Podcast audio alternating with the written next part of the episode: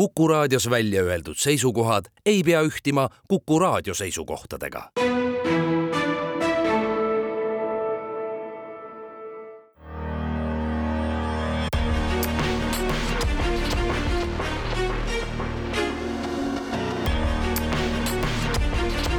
välismääraja.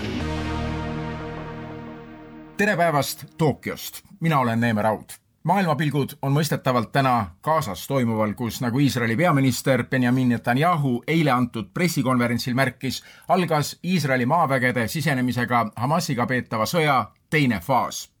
ja siis sõda Ukrainas.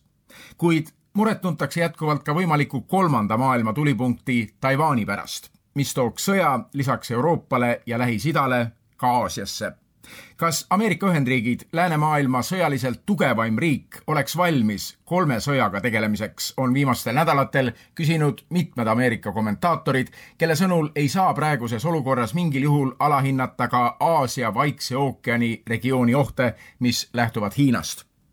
täna kaks vaadet maailmale just siit maailma nurgast, kahest riigist, mis on tugevad USA liitlased Jaapan ja Lõuna-Korea, kellega ka meie Eesti suhted on üha laienemas ja tugevnemas.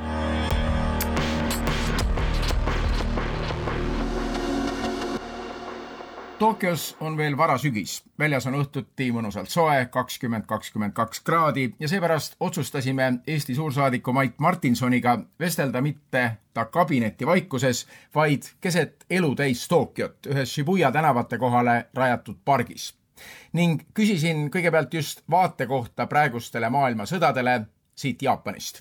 küsimus on äh, lihtne ja samas keeruline. ka siin on tunda seda, et äh, maailm on äh, geopoliitilisse virvarri sattunud. mingis mõttes on tajutav telg Ukraina-Taiwan. ütleme nii, et meid see puudutab otseselt läbi selle, et Jaapan on avastanud Eesti mõtte, Eesti toimetamise ja sinna ka Eesti mingid tehnoloogilised lahendused, ehk meiega räägitakse rohkem, meid märgatakse rohkem kui, kui tõenäoliselt alles aasta või kaks tagasi. Jaapani puhul on äh, tõenäoliselt suurimaks küsimuseks see, äh, kuidas järgneva kümne-viieteist aasta perioodi jooksul tagada julgeolek.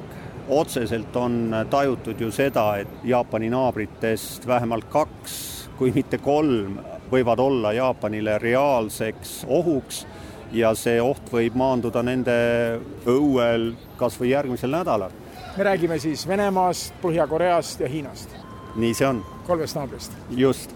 Põhja-Korea on siin väga lähedal ja Põhja-Korea tuumaraketid võivad ka Jaapanit reaalselt ohustada ja üldse raketid Põhja-Koreast. Põhja-Korea ei ole kerge teema ja võib-olla ongi äh, Jaapani aspektist vaadates, no me peame aduma seda, et meie kommentaarid, me oleme siiski kõrvaltvaatajad, me näeme seda läbi äh, liitlaste prisma ja läbi vahendatud info, ehk siis kõige selle puhul ei maksa unustada, et tõlkes võib midagi ka kaduma minna, kuna me ei suhtle nendega ju samas keeles ja päris samas kultuuriruumis. aga Põhja-Korea on tõenäoliselt kõige keerulisem äh, hoomata Jaapanile, sellepärast et tõesti strateegiline mõte ja nende käitumisriskid on teistsugused kui ütleme siis suuremate partnerite puhul, vähemalt Jaapani seniste arutelude põhjal, mida meil on õnnestunud jälgida. Venemaa ja Jaapan. Venemaa ja Jaapan, siin on toimunud äh, väga tõsine, on toimumas tõsine ümberhindamine, aasta tagasi atentaadi käigus hukkunud äh, peaminister Abe väga pikalt, isegi pärast kahe tuhande neljateistkümnenda aasta Vene-Ukraina sõda, esimest eh, Krimmi vallutamist, esimest sõda, püüdis hoida oma naabriga kanaleid, suhtluskanaleid lahti ja mingisugust eh, liini, et eh, liikuda edasi põhjaterritooriumite lahenduse küsimuses. sõda, mis peale Vene täiemahulist sissetungi Ukrainasse eelmise aasta veebruaris, see on lendanud pilbasteks ja selles valguses käibki Jaapani intensiivne eneseotsing, et kuidas nüüd edasi, see, mis varem oli, see enam ei toimi ja naaber on näidanud ennast tõelise agressorina ja sellest tulenevalt noh, see poliitika, mida rakendati umbes kümne aasta jooksul, see on uues seisus, seal ongi see, miks on huvi meie suhtes, miks nähakse, et Ukrainas toimuv võib leida uue lahenduse Taiwan'i näol ja Jaapani huvi ongi täna toetada Ukrainat sellises mahus, et kui kunagi peaks see risk kerkima, oleks Euroopa, oleks läänlased valmis ka Jaapanit toetama äh, Taiwan'i konflikti puhul. ja vaatame siis järgmist suurt, Hiina ja Jaapan tavapäraselt öeldakse selliste küsimuste puhul, et see on miljoni dollari küsimus, ma usun, täna on paslikum öelda, et see on äh, miljardi, võib-olla hoopiski äh, saja miljardi dollari küsimus, sest Hiina on äh, Jaapani suurim kaubanduspartner, vaatamata kõigele. Hiina kui me räägime circa kolmekümne miljonilisest turistide voost, mis iga-aastaselt käib Jaapanis, suurim kogus sellest äh, tuleb Hiinast, ehk nad on läbi ajaloo olnud väga tihedalt põimunud äh, kaks naabrit. Hiina muutumine ja ütleme kommentaarid, et Hiina tänane liider on kasvamas, käimas samades jälgedes, mis Venemaa president Putin. Selge, et see, see tekitab inimestes küsimusi, see tekitab ohtu, see on kasvava riski faktor millised on Jaapani ja Korea suhted? kui ma Souli jõudsin, siis esimene video, mida ma nägin rongis lennujaamast linna, oli see, et Korea rõhutas, et üks väikene kaljusaar, mis on praegu nende valduses, on meie oma, et see ei ole Jaapani oma ja seda näidati kaks korda järjest. ma mõtlesin, et kas nendes suhetes on siis ka jätkuvalt pinged õhus? jaa, selgelt võib seda ütelda, samas sellesse investeeritakse tugevalt ja püütakse kõigele vaatamata navigeerida läbi nende ohtude, läbi nende pisikeste kaljusaarte, nendest mööda minnes niimoodi, et ikkagi püüda edasi liikuda. ajalugu on pikk ja ütleme, Jaapani ja Korea puhul eh, eelkõige, mis täna hoiab pingeid üleval, on ikkagi Teise maailmasõja aegsed küsimused neid on püütud korduvalt äh, lahendada, on kirjutatud alla kokkuleppeid, deklaratsioone ja siis jälle võimuvahetusega eelkõige võiks ütelda ikkagi Korea poolel, on toimunud seal ümberhindamine ja tagasilangemine, no nagu me Euroopas näeme näiteks võib-olla Poola ja Saksa suhetes, et äh, valimiste järgselt uued inimesed ja siis retoorika nullib selle töö, mis on tehtud. milline on tänane perspektiiv, äh, suur positiivne küsimärk õhus on äh, Camp Davidi kohtumine, kolmikkohtumine USA, Jaapani ja Lõuna-Korea vahel, see oli. See jäi suurte sündmuste, teiste sündmuste varju. Ja see on nüüd see, mille kohta me ei oska veel ütelda, kuidas see edasi areneb, äh, tulevik näitab. igal juhul meeletu pingutus on tehtud, võime ütelda, et see on USA diplomaatia suur saavutus nii Bideni administratsiooni kui siinse USA suursaadiku äh, Rahm Emanueli võiks ütelda isegi personaalne ponnistus. Ja seda tunnistatakse, et alates Vene invasioonist Ukraina vastu on tegu perioodiga, kus võib ka siin selles kolmnurgas Lõuna-Korea, Jaapan, USA tekkida lahendus, mis jääb äh, kehtima järgmiseks äh, kolmekümneks aastaks. aga selle kolmnurga jaoks on väga oluline teema ikkagi Taiwan'i teema? sellest ei saa üle ega ümber. alles eile ma osalesin Briti ja Jaapani äh, mõttekodade ühisarutelul ja nii ta on, küsimus on selles, mis saab olema siis see kuidas on ta nüüd eesti keeles, tripwire, mis nii-öelda kas hoiab konflikti tagasi või mille ületamisel peavad kõik osapooled kuidagi panustama Jaapani jaoks, kas ta seda soovib või mitte, USA väed on Okinaval, kui midagi Taiwanil juhtub ja USA sekkub, siis äh, on näha ju, et vastulöök puudutab Okinavat, see on Jaapani territoorium nii et, et noh, siin on automaatseid käike on väga palju ja selge, et eh, ei pea kaugemale minema. Eh, vähem kui aasta tagasi, eh, eelmise aasta detsembris Jaapan ju praeguse peaminister Kishida valitsuse otsusel tegi selge valiku tõsta kaitsekulutusi peaaegu kahekordistades neid lähema viie aasta jooksul. nii et see räägib iseenesest. kui palju siin on tunda seda, et Ühendriikide pilk on vaatamata kõigile teistele konfliktidele, nii Lähis-Idale kui ka Ukrainale, siiski ka sellel maailma regioonil. Ühendriikides on palju analüütikuid, kes leiavad, et tegelikult Ameerika peaks seda Vaikse ookeani piirkonda veel kõige enam jälgima, siinseid arenguid. väga paljudest diskussioonidest äh, jookseb läbi, eriti mis tulevad Euroopa poolelt, võib-olla selle aspekti mittemärkamine, et Ühendriikide jaoks tõesti tundub, esimene ja kõige olulisem küsimus on see, kuidas hallata tulevikukümnendite suhteid Hiinaga. kõik ülejäänu on selle varjus, sellega seonduv, see, mis praegu Ühendriikide pilk ja, ja tähelepanu Euroopale, see on see on tõesti tore, aga see ei ole automaatne ja palju, ütleme, inimesed, kes siiski on äh, otsustuskohtadel, nad, nad näevad seda riski, et Ühendriikide pilk võib veelgi rohkem äh, pöörata ära Euroopa pealt ja keskenduda väljakutsele, mis neil on Hiinaga. Kas see peaks tekitama muremõtteid meis?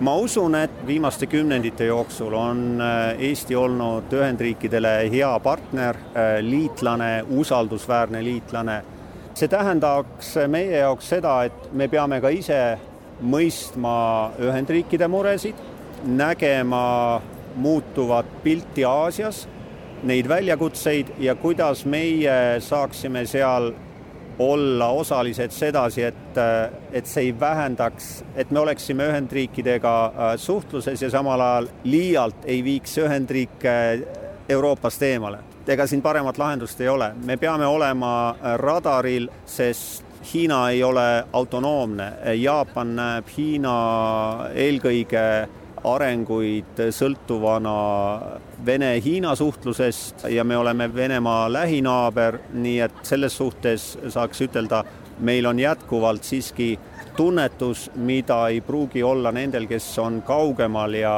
ja ei oma võib-olla igapäevast pulsitaju. aga tuleme nüüd Eesti ja Jaapani suhete juurde. sa ütlesid, et meid kuulatakse enam, meid pannakse üha enam tähele. jaa, see on see on meie soovmõtlemine, me oleme ikkagi Jaapani-suguse riigi jaoks üks väga väike punkt Euroopas. ma julgeksin ütelda, et see ei ole soovmõtlemine. eelkõige võib-olla siin on keeruline välja tuua ainult ühte aspekti, aga meid on märgatud, see ju äh, sõltub alati sellest, millised on, äh, milline on Eesti riiklik areng olnud millised on meie kaubandussuhted, millised on äh, meie sõnumid äh, mujal, lääne meedias, meie tehnoloogiline areng, meie inimesed, meie diplomaadid siin, kes kõik on andnud äh, varasemalt selle panuse. Ja ma usun, me mõneti üllatuslikult kohtumistel, kus meie vastas on, ütleme, partnerid siinsetest suurtest kaubandusgrupeeringute esindajad või ka valitsusasutustest, räägitakse, et Eesti, noh, teie kui kübervaldkonnas tegijad, teie kui uute tehnoloogiate eesrindlikud arendajad, teie juurest ju pärineb Skype, teie juurest ju pärineb Milrem, mehitamata lahendused, on seal Auvetech ja nii edasi. ehk me ei ole enam lihtne riik, kes tuli kusagilt Nõukogude varemetest ilmus, vaid, vaid meil õnnestub müüa oma lugu paremini tänu varasemate aastate tööle ja me oleme nägemas ennast ja mitte ainult meie, vaid ka ütleme, Jaapani partnerid, kes on siiamaani töötanud Skandinaavia riikidega. Nende poolt on olnud huvi meie suhtes, et tuua värskendust, laiendada Skandinaavia mudelit ja tuua mingisugust värskendust sellele brändile. nii et äh, meil on võimalus siin äh, edasi liikuda ja, ja töötada ja me oleme ikkagi täiesti radaril. Eesti suursaadik Tokyos Mait Martinson mõned teemad jäid veel rääkimata ja seepärast jätkame hetke pärast.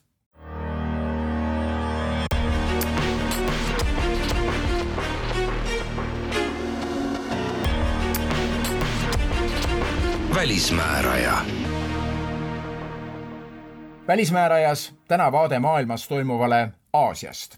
jätkame Tokyost Eesti suursaadiku Mait Martinsoniga. kas meie peamine eesmärk Jaapaniga suheldes on ikkagi majanduskoostöö arendamine? majandus- ja julgeolekualane koostöö, tehnoloogilised lahendused, me ei pea seda enam häbenema, muuseas me saame tõesti äh, viidata sellele, kus äh, kas see on, ütleme, puhta joogivee tootmine või mehitamata transport, meie suhtes on huvi ja Jaapani firmad on äh, valmis, me pääseme parematele kohtumistele, me oleme, võiks ütelda niimoodi, mm, ütleme siis tehnoloogilises mõttes on läbi jooksnud selline, et, et kui otsida kompaktse lahendusega globaalseid äh, eeskujusid, siis on viidatud Singapurile, Iisraelile ja Eestile.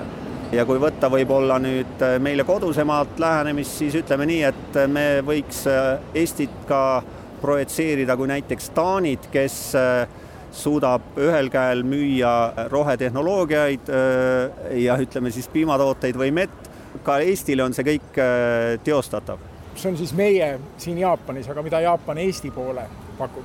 Jaapan Eesti poole. me näeme seda, et kas see suhtlus on pigem nagu ühesuunaline? ei, ei, kindlasti kahesuunaline Jaapani nägemus ja huvi Eestiga seonduvalt äh, saaks ütelda nii, et on läbi, vähemalt läbi kolme, äh, kui mitte rohkema perspektiivi.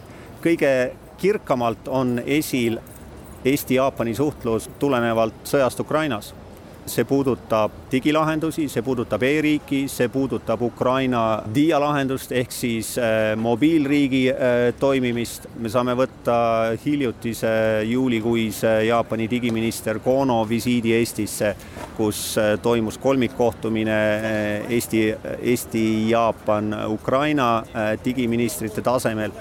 järgmine aspekt, ütleme Jaapani vaatest äh, Eestile haridus, turism ja miks need kaks haridusturismi nähakse ühe potentsiaalse võimaliku arengu nišina? kas me igapäevaselt suudaks siin mm, Jaapanit mõjutada, me ei peagi seda. meid teatakse circa kümne protsendi elanikkonna ulatuses, me vast ei peagi jõudma iga Jaapani kodanikuni, aga kolmekümneaastase pausi järel, kui Jaapan nii-öelda jooksis oma arenguga üheksakümnendate alguses vastu seina, on täna tajutav lääne suhtumises Jaapanisse mingis mõttes renessanss. Jaapan oli Hiina varjus ja nüüd ta tajub, et on võimalik muutunud geopoliitilises olukorras Hiina varjust välja tulla ja see loob ka meile võimalusi ja Jaapan on ise pisut rohkem avatud kui äh, vast kümme, kakskümmend aastat tagasi viimane küsimus, ikkagi see EXPO teema, kas see otsus on nüüd langetatud, et Eesti EXPO-l ei osale? sest Jaapani jaoks on just märgilised sellised kohalolekud, mäletan, ühes intervjuus märgiti, et kui Jaapanis äri ajada, siis peab vähemalt viis korda kohal käima. see oli vist disainimessiga seoses, et siis viiendal aastal hakkavad võib-olla kontaktid arenema. ja nüüd on tulemas maailmanäitus kahe tuhande kahekümne viiendal aastal siin teine maailmanäitus nüüd Eesti taasiseseisvumise ajal, kus Eesti siis ei osale Jaapanis ma alustasin oma tööd siin äh, augustis kahe tuhande kahekümne kolmandal aastal, see on pisut üle kahe kuu tagasi. tolleks ajaks oli Vabariigi Valitsus otsuse teinud, et äh, Eesti äh, seekord EXPO-l ei osale. meie suhtlus Jaapaniga lähtub sellest, et me otsime valdkondi, kus me saame liikuda edasi, kus on uued võimalused. osa neid võimalusi sai juba loetletud nii et äh, me ei ole tajunud tagasilööki äh, meie suhetele ja meie pilk on suunatud tulevikku. õpime sellest, mis meil on, alati jäävad mingisugused erinevad kildkonnad või grupeeringud, kellel on üks nägemus ja teine nägemus ja noh, nagu me teame, et suurte projektide puhul on ka küsimus selles, et kui väga pikalt selle üle mõelda ja arutleda ja otsust mitte teha, siis rongid sõidavad eest ära, sama on juhtunud praegu selle projektiga. soodsad rongid on meie jaoks läinud see oli vestlus Tokyos Eesti suursaadiku Mait Martinsoniga.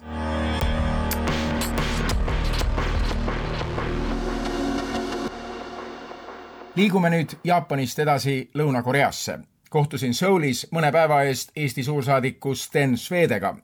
pilk maailmale ja praegustele sõdadele nüüd ka Soulist no alustaks siis e-, eelkõige sõjast Ukrainas. Ähm, et äh, loomulikult on see siis äh, tänaseks juba otseselt seotud äh, ka Korea julgeolekuga, seda eelkõige sellepärast, et agressorriik Venemaa on ju otsinud aktiivselt kontakti Põhja-Koreaga, mis on ju kõige olulisem teema Soulis ja korealaste kodudes. ja viimaste uudiste valguses, kus on Korea juhtidega kohtunud nii Putin kui Lavrov kui ka Šoigu, Põhja-Korea jah, on noh, see kõik jõudnud nagu nende meeltesse ka, et kui varem nad võib-olla nägid seda sõda kui noh, midagi kauget ja, ja sellist otseselt mitte neisse puutuvat, siis, siis nüüd on nagu selge, et see on teema ja siis teine kriis, Iisraeli sõda. selge on see, et, et Korea ikkagi kaldub toetama Iisraeli selles konfliktis korealased on väga uudishimulikud ja jälgivad muidugi maailma uudiseid äh, väga pingsalt. Äh, Korea valitsus on teinud avaldusi Iisraeli toetuseks ja põhimõtteliselt järgib siis äh, poliitikat, mida noh, viljeleb Euroopa Liit ja USA. Korea suurim ja tugevam liitlane on mõistagi USA, lugesin täna just Jaapani Nikkei agentuuri uudist, et Filipiinide ja Hiina vahel on tekkinud sõjalaevade konflikt ja pealkiri oli, et see on nüüd neljas peavalu USA-le, esimene siis Ukraina sõda, teine Iisrael, kolmas ikkagi Taiwan ja nüüd siis neljas Hiina ja Filipiinide suhted. ja kui ka Põhja- ja Lõuna-Korea vahelised pinged siia nimekirja lisada, siis on juba viis kriisi, millega Ameerika peab tegelema. nii on, Ameerika muidugi on väitnud, et nendel ei ole probleemi tegeleda kõikide kriisidega, Koreale, Lõuna-Koreale siis on, on kinnitatud, et nende toetus äh, Seoulile on, on kindel põhimõtteliselt on ju äh, USA Korea julgeoleku garant. Põhja-Korea asub siit Seoulist mitte eriti kaugel. vaatasin kesklinnas, seal on mitmed suured näitused väljas selle sõja kohta, mis viiekümnendate alguses toimus, et pisut mälu värskendada, et tegelikult ju sõja lõpuakti ei olegi, on ju vaherahu viiekümne kolmandast aastast, nii et tegelikult võib öelda, et sõjaseisukord on siin kestnud aastakümneid. nii on ja minu arusaamine on, et Põhja-Korea retoorikas seda ju tegelikult äh, räägitaksegi iga päev. et see on nagu põhjanaabri huvides, et hoida Lõuna-Korea inimeste meeled pingul, eriti noh, praegu vahepeal toimus muidugi niisugune äh, lähenemine, see oli siis kaks tuhat kaheksateist, üheksateist, mäletatavasti toimusid tippkohtumised, USA president Donald Trump proovis siin mingisugust läbimurret saavutada, aga nüüd muidugi viimasel ajal on toimunud väga palju äh, provotseerimisi, raketikatsetusi ja selle aasta alguses, kui ma mäletan õigesti, saatis Põhja-Korea Lõuna-Korea territooriumile droonid, mis olid tehniliselt täiesti tavalised lennumasinad, mida siis äh, ei suudetud äh, Lõuna-Korea armee poolt ka alla tuua taevast ja need tegid siis Souli kohal tiiru ja lendasid tagasi. ainult selleks muidugi, et terroriseerida Lõuna-Korea elanikkonda ja, ja näidata, et, et meil on selline võimekus olemas. ja ma arvan, et Põhja-Korea liider Kim Jong-un jälgib väga teraselt seda, mis toimub näiteks ka Iisraelis praegu ja Hamasi poolt, et et sealt võib ta sel viisil äh, nii-öelda inspiratsiooni ammutada küll.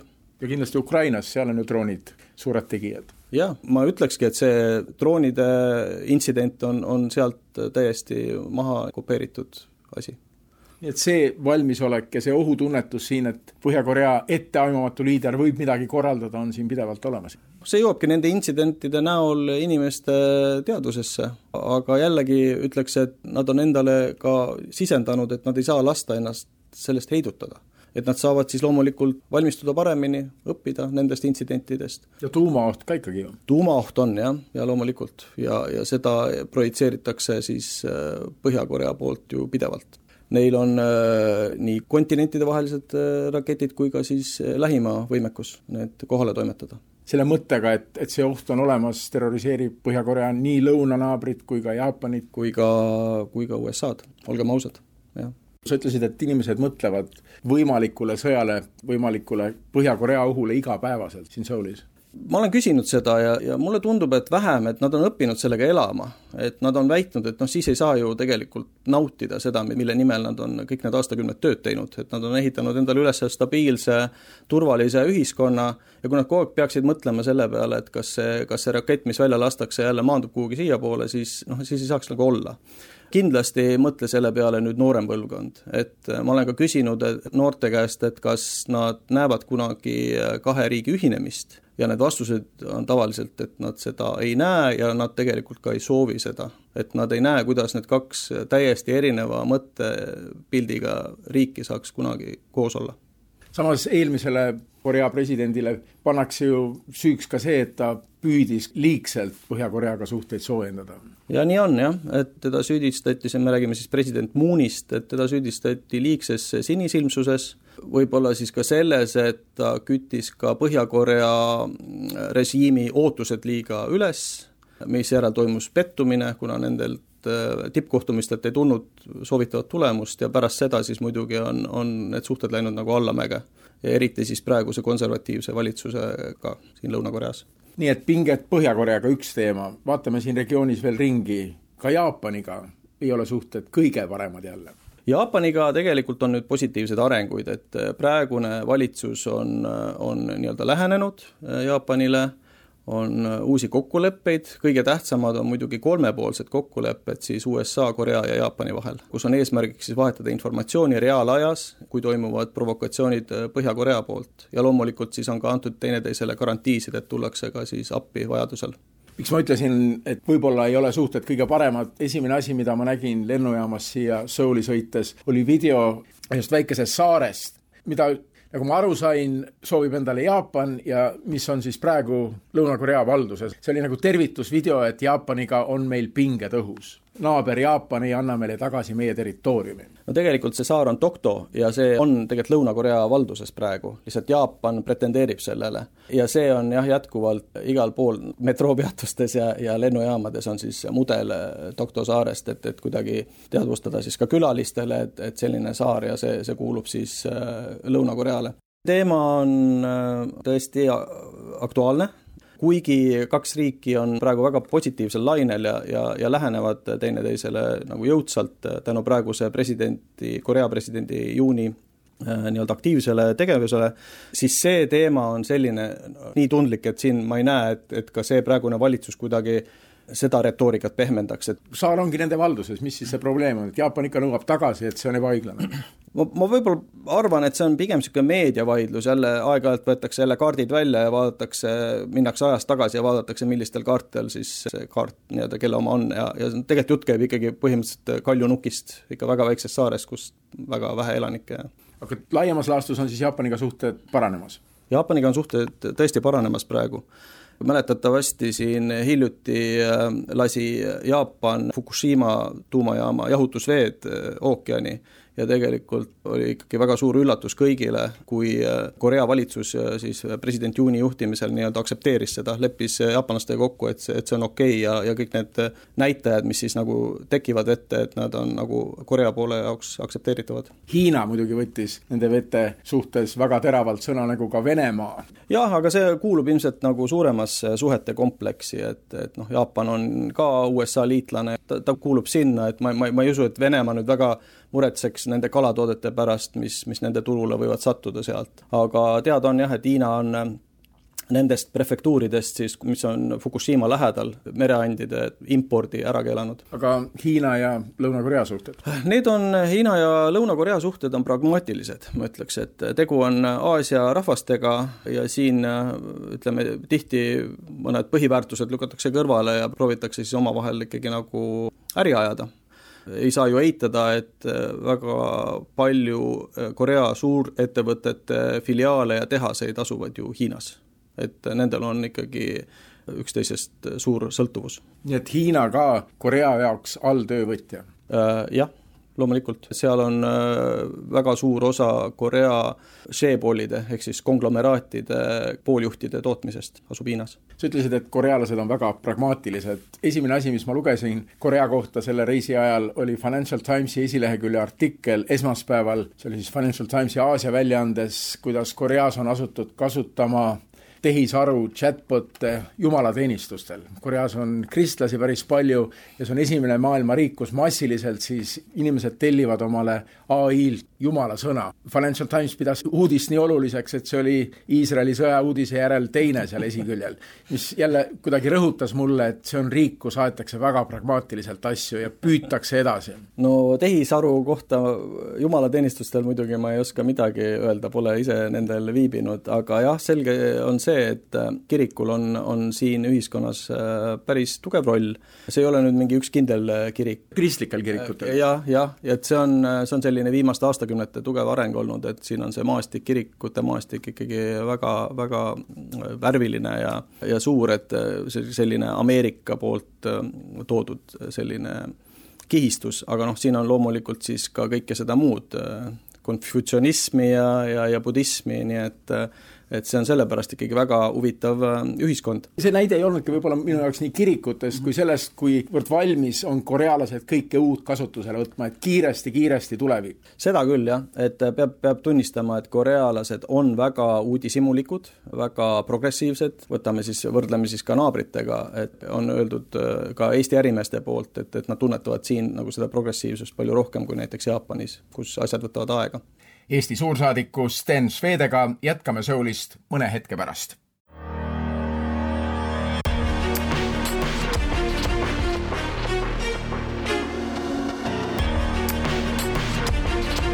välismääraja. pilk maailmale Aasiast, täna Välismäärajas. jätkame Soulist Eesti suursaadiku Sten Svedega rääkides suhetest, pragmaatilistest suhetest, ka Eesti on võtnud oma suhete aluseks Koreaga ju ikkagi majandusteemad peamiselt. jah, on küll nii, et äh, sel põhjusel sai siia loodud ka saatkond ikkagi paljuski. Ja ma näen seda, et paljud teised Euroopa riigid on siia saatkonnad sel põhjusel loonud, nii et noh, see on selline tänuväärne turg, kus äh, saab asju ajada, kuhu on võimalik äh, eksportida tooteid, täiesti uusi nende jaoks, mis näitabki seda, et nad on uudishimulikud, nad on sellised äh, uutele väga vastuvõtlikud tarbijad. Korea on minu jaoks maailmakaardil just üks selliseid riike, mis püüdleb väga kiiresti tuleviku poole, ma mäletan New Yorgis, kui ma käisin ülikoolis, siis Korea tudengid olid kõige ettevõtlikumad, üks äh, kaastudeng jagas oma poissõbra visiitkaarte, ta oli hambaarst, et minge tema juurde vastuvõtule. Ja kuidagi korealastest üheksakümnendate aastate New Yorgis jäi mul mulje, et esiteks nad armastasid Ameerikat väga, kuna Ameerika on nende riigi jaoks nii oluline, ja teiseks igal võimalusel tehti äri jaa, see on, see on tõesti niimoodi. Äh, ma tunnetan seda siin ka, mis just tegelikult sobib mulle, sest ma olen ähm, selle eesmärgiga siia saadetud suursaadik, et, et leida võimalusi äh, Koreaga äri tegemiseks. Nad on väga, väga tublid ettevõtjad ja nad otsivad võimalusi alati äripartneriteks, äh, uuteks turgudeks, uuteks toodeteks siin ma tegelikult nii-öelda utsitakse Eesti ettevõtjaid nagu sellest võimalusest kinni hakkama millistes valdkondades meil siis koostöö toimub, ma tean, et sõjanduse vallas Korea ja Eesti vahel on päris suured relvatehingud olnud. jah, on, kõige suurem relvatehing oli siis äh, K9 Go liikursuurtükid, mida Eesti on äh, Korea nii-öelda kaitsetööstuselt ostnud. Need tehingud muidugi, nad ei jälgi sellist turuloogikat, et siin äh, kahtlemata on, on ikkagi otsene seos Eesti julgeolekuga, aga kindlasti on Korea väga tänuväärne partner siin. Kaitsevaldkond üks, aga veel kõige suurem äh, ekspordiartikkel, mis äh, Koreasse tuleb Eestist, on, on puidutooted, puit nii töötlemata kui ka mingil määral töödeldud. see on seotud sellega, et Korea ise ei suuda enda, endale puitu tuua või luua, ta peab selle sisse importima. aga loomulikult on meie ülesanne siin siis seda kaupade nomenklatuuri äh, nagu mitmekesistada. kõigepealt me vaatame siis tarbekaupade turule, toidukaubad, joogid ja loomulikult siis ka igasugu seadmed on see, mille peale me nagu siis fokusseerime seni muidugi on äh, Korea investeeringutega, otseinvesteeringutega Eestisse olnud kehvad lood, et Eesti on tegelikult isegi rohkem investeerinud Koreasse. aga nüüd äh, jah, seoses siin äh, heade suhetega ja hiljuti toimunud Vabariigi Presidendi visiidiga siia, siis sai HD Hyundai ja Elcogeni poolt allkirjastatud investeerimisleping siis äh, tehase ehitamiseks äh, Eestisse. et nüüd hakkab Korea raha ka Eesti poole liikuma? ja loodetavasti, sest see on ka olnud meie selline suur eesmärk ja, ja meie sõnumid siin äh, Korea partneritele, et tegelikult Eesti on väga hea koht investeerimiseks, Eesti on värav Euroopa Liitu, meil on investeerimise tarbeks ka väga hea selline mm, seadusandlik baas, et meil on nagu lihtne asju ajada. meil on tegelikult töös päris mitmed investeeringud juba praegu. seda, et Eesti näitab end väga võimsalt siin Koreas, kinnitab siinsamas selles suures hoones, kus me praegu räägime, Eesti saatkonna ruumes, selle esimesel korrusel olev E-Eesti esitluskeskus, mis kohe sisenedes tähelepanu tõmbas. see on esimene maailmas selline, mis on avatud siis väljaspool saatkonda. ja nii on jah, neid keskusi on, on ju veel ja tehakse juurde aga meie keskuse puhul on just eriline see, et ta on tänavatasandil, ruumides, kus liigub palju inimesi, ta on äh, tunneli kaudu seotud ka Souli pearaudteejaamaga, et sealt tulevad siis ka inimesed nagu siia sellesse hoonesse. ja asja mõte siis ongi see, et inimesel tekib uudishimu, ta astub sisse, küsib Eesti kohta või äh, otsib endale partnereid, äripartnereid või tahab tulla õppima või tahab külastada Euroopat turismi eesmärgil ja leiab siis Eesti ettevõtluskeskuse, mis talle selle info annab, et see on see eesmärk. minu esimene mõte oli, et siin saab siis e-residentsust võtta. jaa, no e-residentsus on meil selline suur äh, eduprojekt äh, ka siin Koreas, et äh, ligi kaks tuhat korealast on endale selle kaardi juba saanud ja avanud ka ettevõtteid Eestis, et me teame umbes kahesaja ettevõtte kohta, et umbes kümme protsenti nendest siis on nagu ettevõtte loonud Eestisse. aga noh, see on ainult osa, et me, me mõneti isegi nagu kasutame seda meie seda digikuvandit kõige muu reklaamimiseks, et see digikuvand toob meile tegelikult sinna ettevõtluskeskusesse inimesed kohale, peab tunnistama. Ja siis saab neile ka rääkida kõigest muust, et kui tore on Eesti näiteks reisisihtkohana.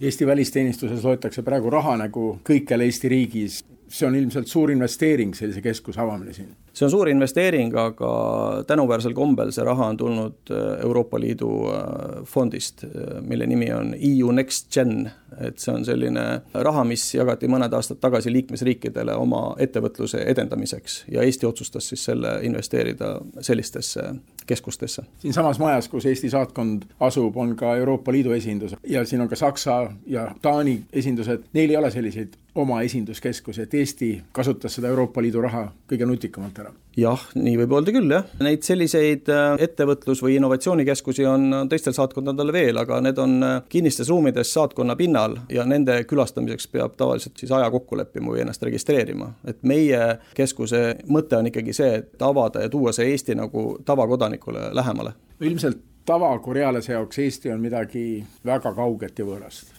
nii on jah, et loomulikult meie ettevõtluskeskus siis äh, saab igasuguseid küsimusi, alates, et mis keelt te sealt räägite ja, ja kui kaugel asub sõda Eestist ja, ja kas sinna ikka maksab minna aga on ka selliseid, kes teavad väga hästi Eestit, teavad meie Skype'i lugu, teavad meie digilugu, tulevadki sinna rääkima, kuidas nad on juba mitu korda Eestis käinud ja nüüd tahaks midagi konkreetsemat teha, et on igasuguseid. sinu käest on väga hea küsida, kuidas Eesti ja Korea suhted on arenenud läbi aastakümnete, sest sa töötasid üheksakümnendatel aastatel Välisministeeriumis just selle regiooni lauas siis oli Jaapan, Hiina ja Korea uh. -huh. ja Koreaga praktiliselt sel ajal ei olnud mingisuguseid suhteid. ja nii oli, äh, no tegelikult Eesti ja Korea diplomaatilised suhted algavad ju äh, sel ajal, kui mõlemad riigid said ÜRO äh, liikmeks me räägime sügisest üheksakümmend üks ja siis kahepoolsed diplomaatilised suhted on nüüd tänaseks kolmkümmend kaks aastat vanad.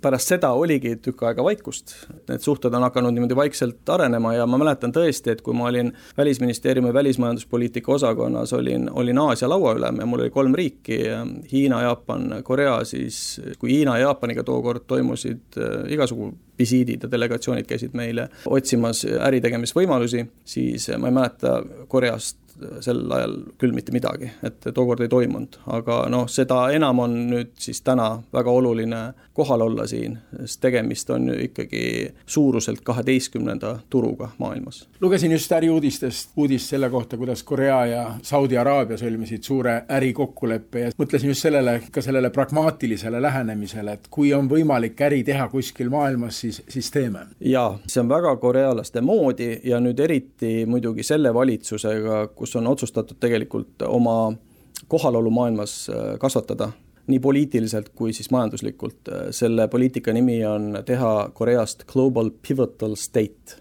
ehk globaalse tähtsusega riik. et siis lõpuks äh, tuleb see poliitika ja, ja ütleme ka majanduspoliitika järgi sellele, kus Korea ütleme juba autotööstuse ja elektroonika vallas juba ammu on olnud. et on ju meie kõikide kodudes ja, ja tagahoovide parklates on ju tegelikult Korea kohal autofirmade näol ja huvitav, et Korea puhul on ka see soft power liikunud nagu ees enne tõsisemaid majandussidemeid, sest Korea muusika, K-pop, kõik need teemad, Korea kosmeetika, need on maailmas väga-väga tuntud ja toonud sellele riigile palju tuntust. jah, ongi, see on huvitav, kuidas ütleme siis äh, valitsuse poliitika mõneti on nagu samm tagapool sellele soft power'ile, mis on nagu iseeneslikult äh, läbi murdnud maailma.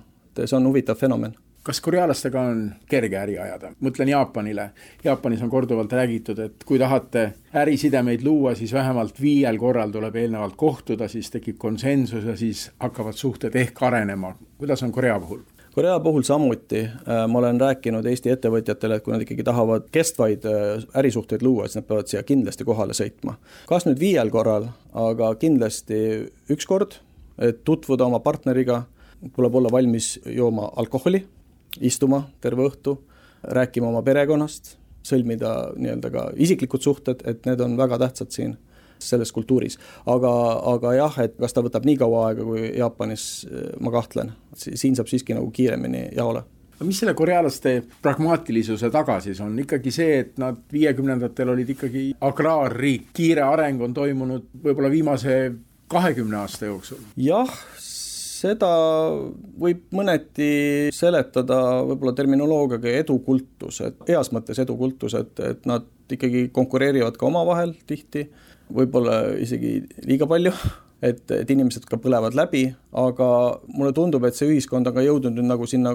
nii-öelda modernismi perioodi lõppu, et kust algab nüüd varsti postmodernism, et äh, nii-öelda tõusevad üles ka muud väärtused. et tegelikult on see heaolu ju nüüd saavutatud, et ma tihti leian ennast ka vestlustest korealastega, et ma ütlen, et te, teil ei ole ju rohkem vaja edasi püüelda, et et nüüd võiksite ka nautida seda, mis te olete endale loonud, siin ma viitan sellele, et korealased jätkuvalt on selline rahvas, kes ei puhka väga, niisugune kuu aega kestev puhkus, nagu meil Euroopas kombeks, ei ole siin üldse tuntud, et, et see on nende jaoks täiesti uus asi veel. Korea puhul räägiti ju sellest, et siin sunniti inimesi töölt lahkuma, et büroohoonetes kustutati tuled ja lülitati õhujahutus välja, et inimesed ei oleks liiga kaua tööl. jah, ja nad on väga töökad ja veedavad tööl palju aega, palju rohkem kui näiteks meie Eestis. ja, ja see muidugi äh, tihti ka omab sellist varjukülge, et inimesed lihtsalt põlevad läbi ja, ja leiavad ennast tänavalt, aga noh, tunnistagem, et, et see on tegelikult ikkagi selle riigi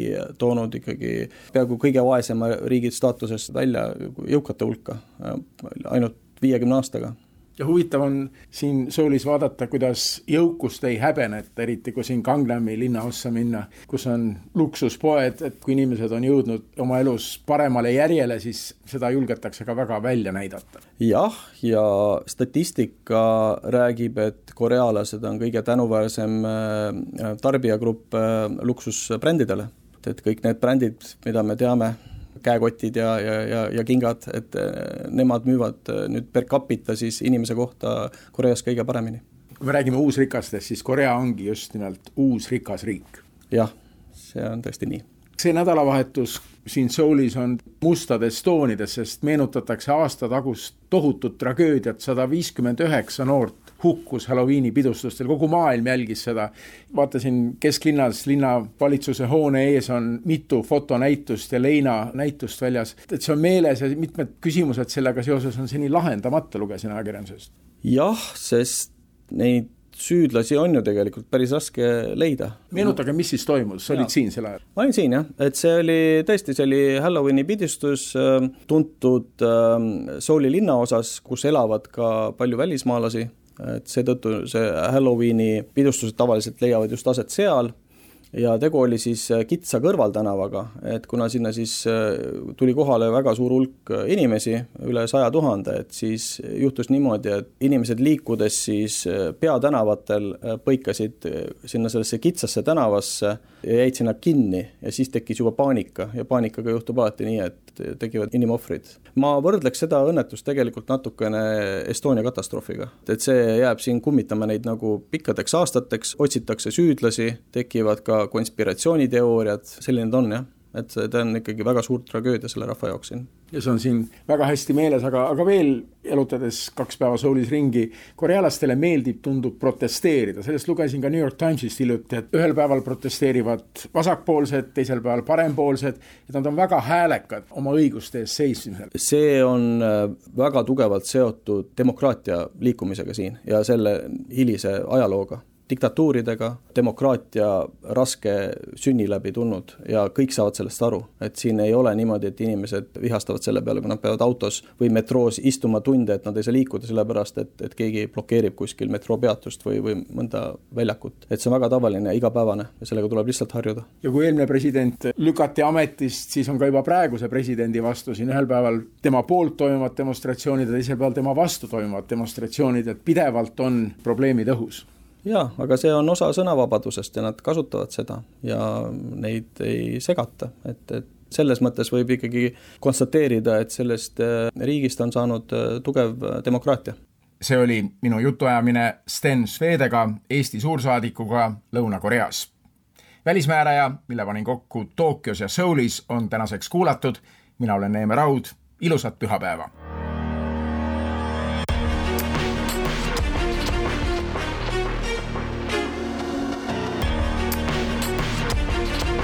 välismääraja